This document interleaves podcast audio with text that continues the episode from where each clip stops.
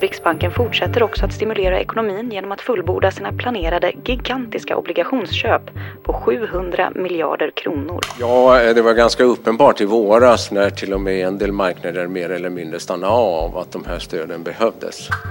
Riksbankens chef äger aktier i företag som Riksbanken har stöttat under coronakrisen. Det visar en granskning från SvD. Två av Riksbankens högsta chefer själva tjänat pengar på stödet. Hur allvarligt är det? Och vad betyder det för en oberoende centralbank? På en kvart får du veta vad som står på spel när riksbankschefen Stefan Ingves själv anklagas för jäv. Och varför han inte velat svara på frågor från SVDs granskande reporter. Det är tisdag den 16 november och jag heter Fanny Härgestam. Här är dagens story från Svenska Dagbladet.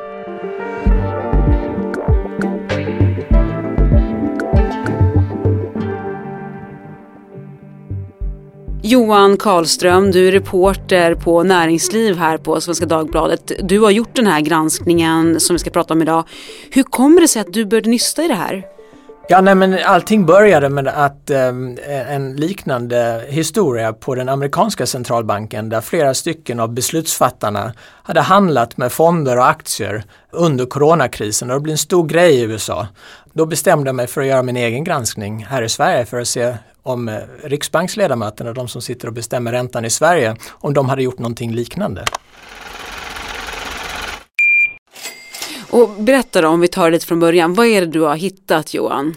Ja, vi har hittat en massa intressanta detaljer när jag, när jag väl började titta på, på de här papperna då som jag fick ut från riksdagen. Och, och det var allt från liksom slarv helt enkelt. Eh, en, en av riksbankscheferna, Cecilia Skingsley, hon hade rapporterat in fel fonder. Men sen har hon också sålt en del fonder, ganska mycket av sina fonder, mer, mer än hälften av sina fonder faktiskt, precis innan coronakrisen, vilket var intressant då. Men mest uppmärksamhet det tror jag nog ändå har varit aktieportföljer då som riksbankschefen själv då, Stefan Ingves och eh, den näst högsta beslutsfattaren på Riksbanken, Cecilia Skingsley som jag pratade om precis här, att de har ägt aktier i företag som Riksbanken då har stöttat under krisen. Och det har fått mycket uppmärksamhet och eh, en hel del kritik från tunga ekonomer här i Sverige. Enligt tidningen handlar det om innehav i bland annat SCA, Essity, Epiroc, Assa Abloy och Sandvik. Och varför är det här uppseendeväckande?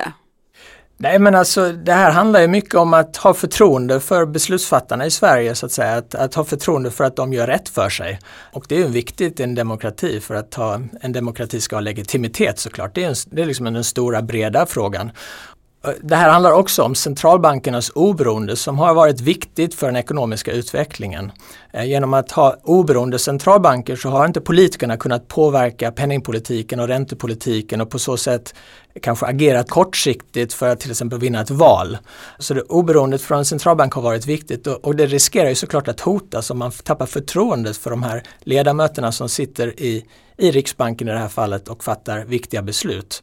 Och sen så är förtroendefrågan eh, väldigt viktig, speciellt för en centralbank. För att en centralbanks huvuduppgift är att hålla ekonomin stabil, att hålla inflationen stabil och då måste man ha ett förtroende för att allt det som centralbankscheferna gör är just att se till att inflationen är på 2% och att ekonomin är stabil. Och inte att de har egna ekonomiska intressen som kanske skulle kunna påverka deras beslut. Normalt sett håller sig Riksbanken till att höja eller sänka räntan och på så sätt reglera den svenska ekonomin. Men under coronakrisen krävdes snabba och stora åtgärder. För att hjälpa de svenska företagen beslutade banken sex ledamöter för ungefär ett år sedan om att köpa så kallade företagsobligationer. En typ av värdepapper som företagen säljer när de vill låna pengar. Vi kommer att göra det som krävs.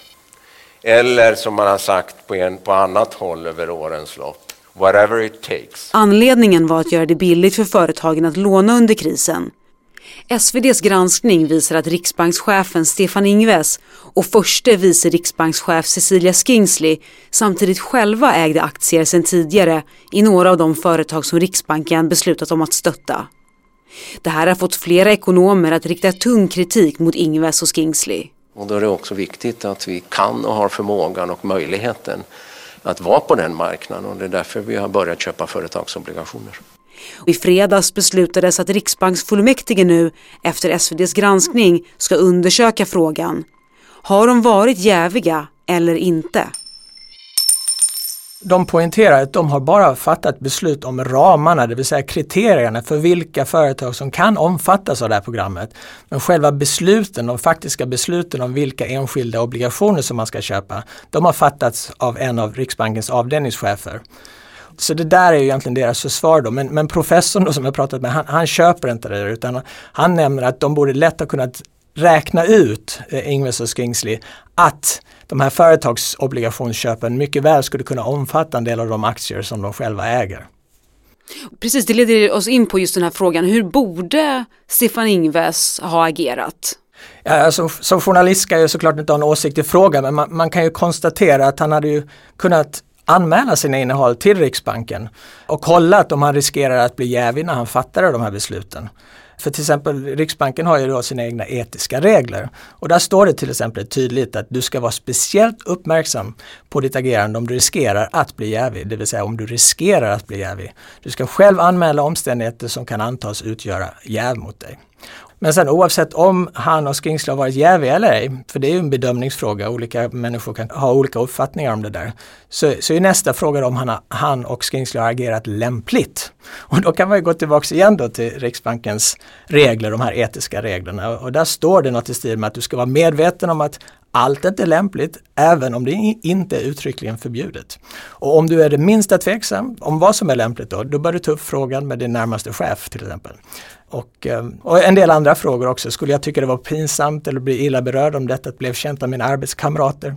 Skulle det kunna skada Riksbanken om det skulle tas upp i massmedierna? Och det kan ju faktiskt vår granskning ha gjort. Det kan ju faktiskt ha skadat eh, förtroendet för Riksbanken. Ja, det är ju så här att det har förekommit påståenden i massmedia om att det eh, har förevarit jäv vid beslut om köp av företagsobligationer. Du har ju följt Stefan Ingves i lång tid, 13 år berättade du för mig inför det här avsnittet. Hur skulle du beskriva honom som riksbankschef? Han har ju varit med i väldigt många år, han är nästan 70 år gammal nu och har varit med i alla möjliga sorters sammanhang. Han är mycket kompetent, pedagogisk, bra engelska, pratar tydligt. Var med redan på 90-talet och var, var då chef för den så kallade bankakuten som hjälpte regeringen att liksom, hantera effekterna av bankkrisen i Sverige på 90-talet. Och sen har han varit eh, toppchef på Internationella valutafonden där han redde ut finanskriser i Sydamerika och Ryssland.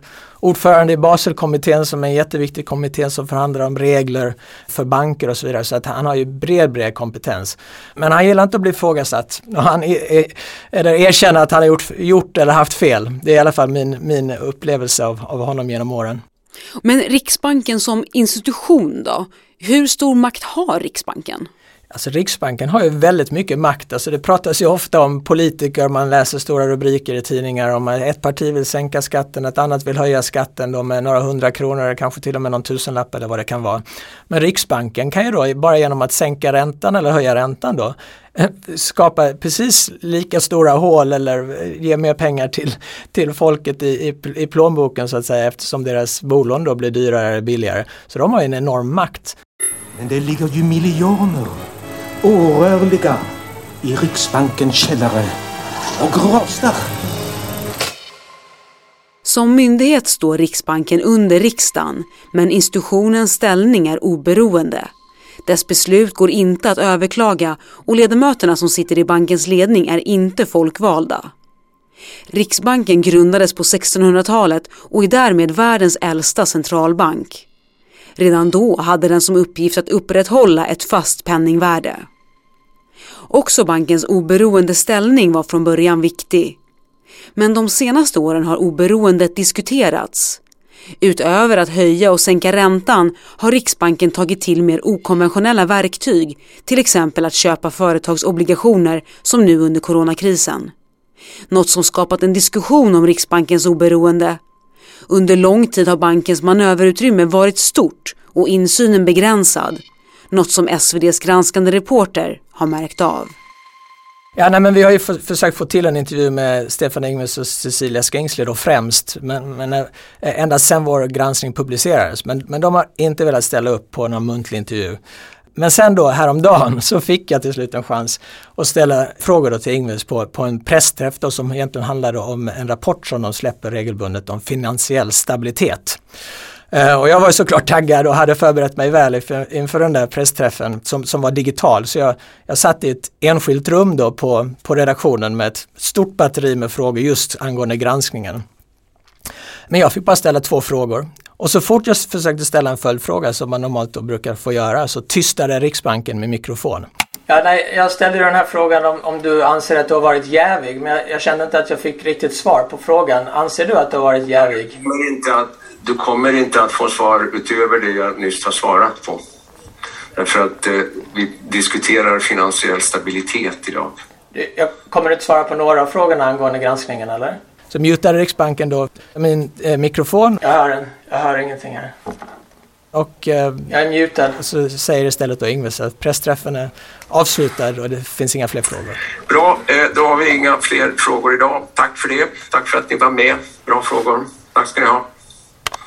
Ja, jag blev ju så, såklart provocerad av det här. Jag tycker att de ska, vara, de ska kunna vara tillgängliga och svara på våra frågor och speciellt eftersom de inte har ställt upp på en intervju heller. Då. Man, vill, man vill ju som journalist få svar på sina frågor och eh, tycker väl att de här beslutsfattarna som sitter på mycket makt på en oberoende myndighet så att säga borde vara tillgängliga mer än vad de har varit. Men hur besvärande är det här för riksbankschefen? Det, är, svårt att säga men lite jobbigt måste det i alla fall vara för honom. Ehm, riksdagens finansutskott har ju kallat honom nyligen till, han har inte varit där än, men har kallat honom till riksdagen för att förklara sitt agerande. Och det kan väl aldrig kännas bra för en riksbankschef att, att hamna i den där situationen. Vi var ju inne på det här med reglerna som gäller då som riksbankschef för vad man får göra och inte göra när det gäller ens, ens privata innehav. Men Johan, eh, har inte också en riksbankschef rätt till en privatekonomi? Jag tänker på, det finns en gråzon här när det gäller liksom förhållningsreglerna. Nej, men det, det, det, kan man väl såklart tycka. Alla måste ju ha rätt till en privatekonomi och eh, de här reglerna som vi pratar om, etiska reglerna, de är, det är just etik och moral och sånt där. Det är alltid svårt att olika människor har olika åsikter om, om hur man tolkar en del regler och det kanske finns gråzoner och så vidare. Eh, det kan ju diskuteras men, men det finns ju sätt att lösa det här på. Jag, jag nämnde Fed att allt det här började med Federal Reserve, då, den amerikanska centralbanken. Och de har ju nu infört eh, nya betydligt hårdare regler då, som gör att man kan fortsätta äga värdepapper men på ett annat sätt då, det vill säga och då, då, har de helt enkelt förbjudit, man får inte äga aktier då som Cecilia Skingsley och Stefan Ingves äger. Det kommer man inte få göra i framtiden. Men däremot får man ju då sitta på ägarfonder.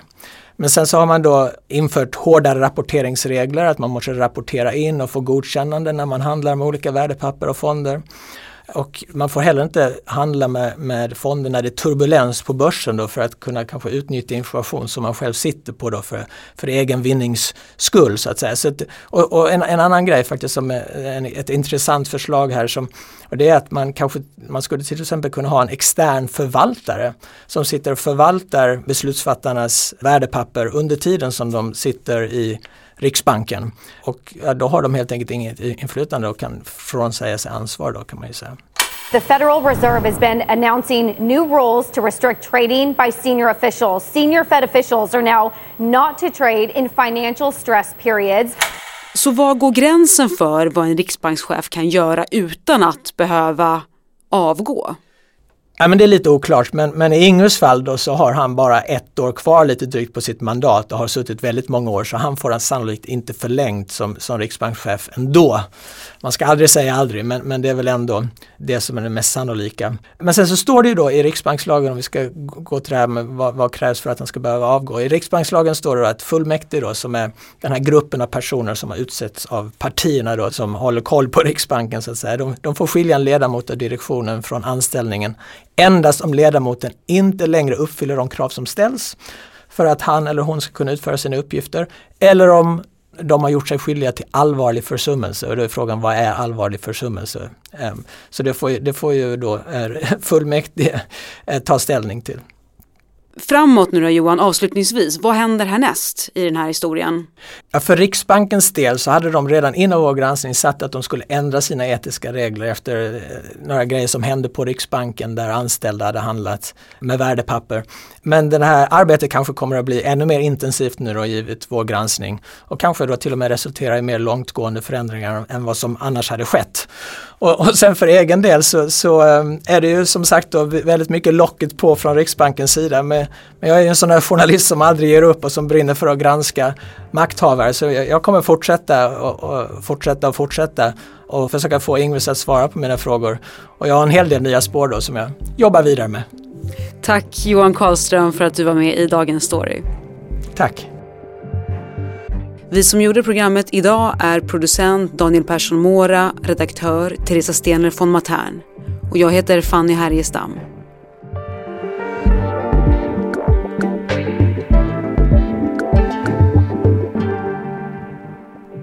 Du har lyssnat på Dagens Story från Svenska Dagbladet. Vill du kontakta oss så mejla till dagensstory.svd.se. Ljudklippen kom från SVT Forum, SVT Drama, SR, Omnipod, Dagens Industri, TV4 och CNBC.